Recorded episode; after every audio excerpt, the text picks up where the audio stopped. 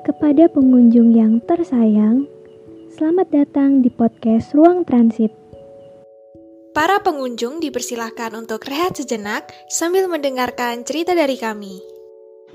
Segenap suara hati kami mengucapkan terima kasih.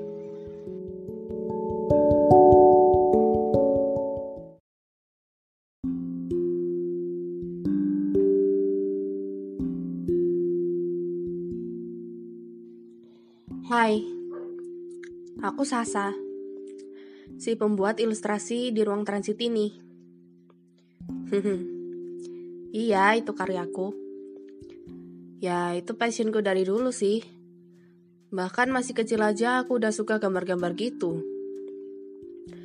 Makanya kalau aku dengar kata gambar, itu yang paling ngebuat aku seneng banget. Namanya seneng ya kan? Setiap hari ngegambar mulu kayak orang kecanduan. Nyobain ngegambar inilah, itulah. Pokoknya berusaha biar gambarku bisa berkembang dan gak stuck. Tapi, meskipun aku seneng, ada aja yang ngebuat aku males ngegambar lagi. Kayak belakangan ini nih. Aku kan lagi diajarin ngembangin gambar sama saudaraku. Dan itu tiap hari. Waktunya juga gak main-main menurutku. 8 jam setiap hari. Bayangin aja, kalian ngerjain sesuatu selama 8 jam setiap hari, dan itu harus diusahakan bisa selesai. Udah kayak jam tidur aja 8 jam. Apalagi aku ngerjainnya pakai laptop kan sering banget tuh ngerasa pusing karena kelamaan natap layar laptop. Ya tujuannya bagus sih, biar akunya bisa menambah speedku dalam menggambar. Ya, tapi kalau aku sekarang ujung-ujungnya udah gak kuat fisik dan mental gimana? Ya, pasti tiba-tiba down, udah gak mood ngegambar lagi udah merasa nggak bisa ngikutin peraturan itu.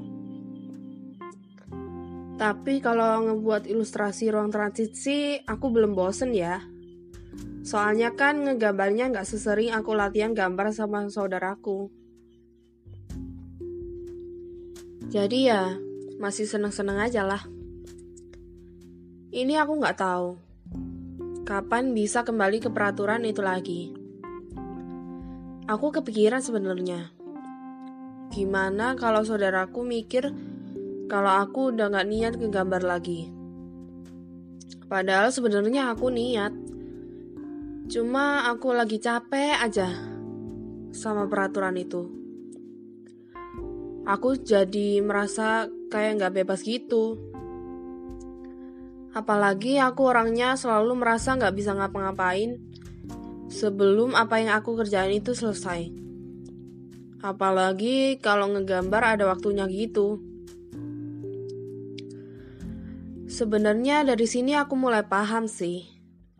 Kalau kita itu bisa aja berusaha mengembangkan sesuatu dengan belajar setiap hari dengan waktu yang ditargetkan atau kadang kita baru bisa berhenti ketika diingatkan seseorang, khususnya orang tua.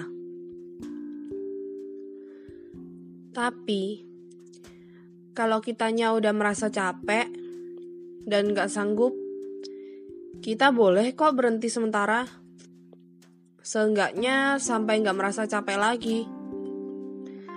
Karena kalau kita masain diri untuk terus belajar, pada akhirnya kita bisa capek lah, sakit lah.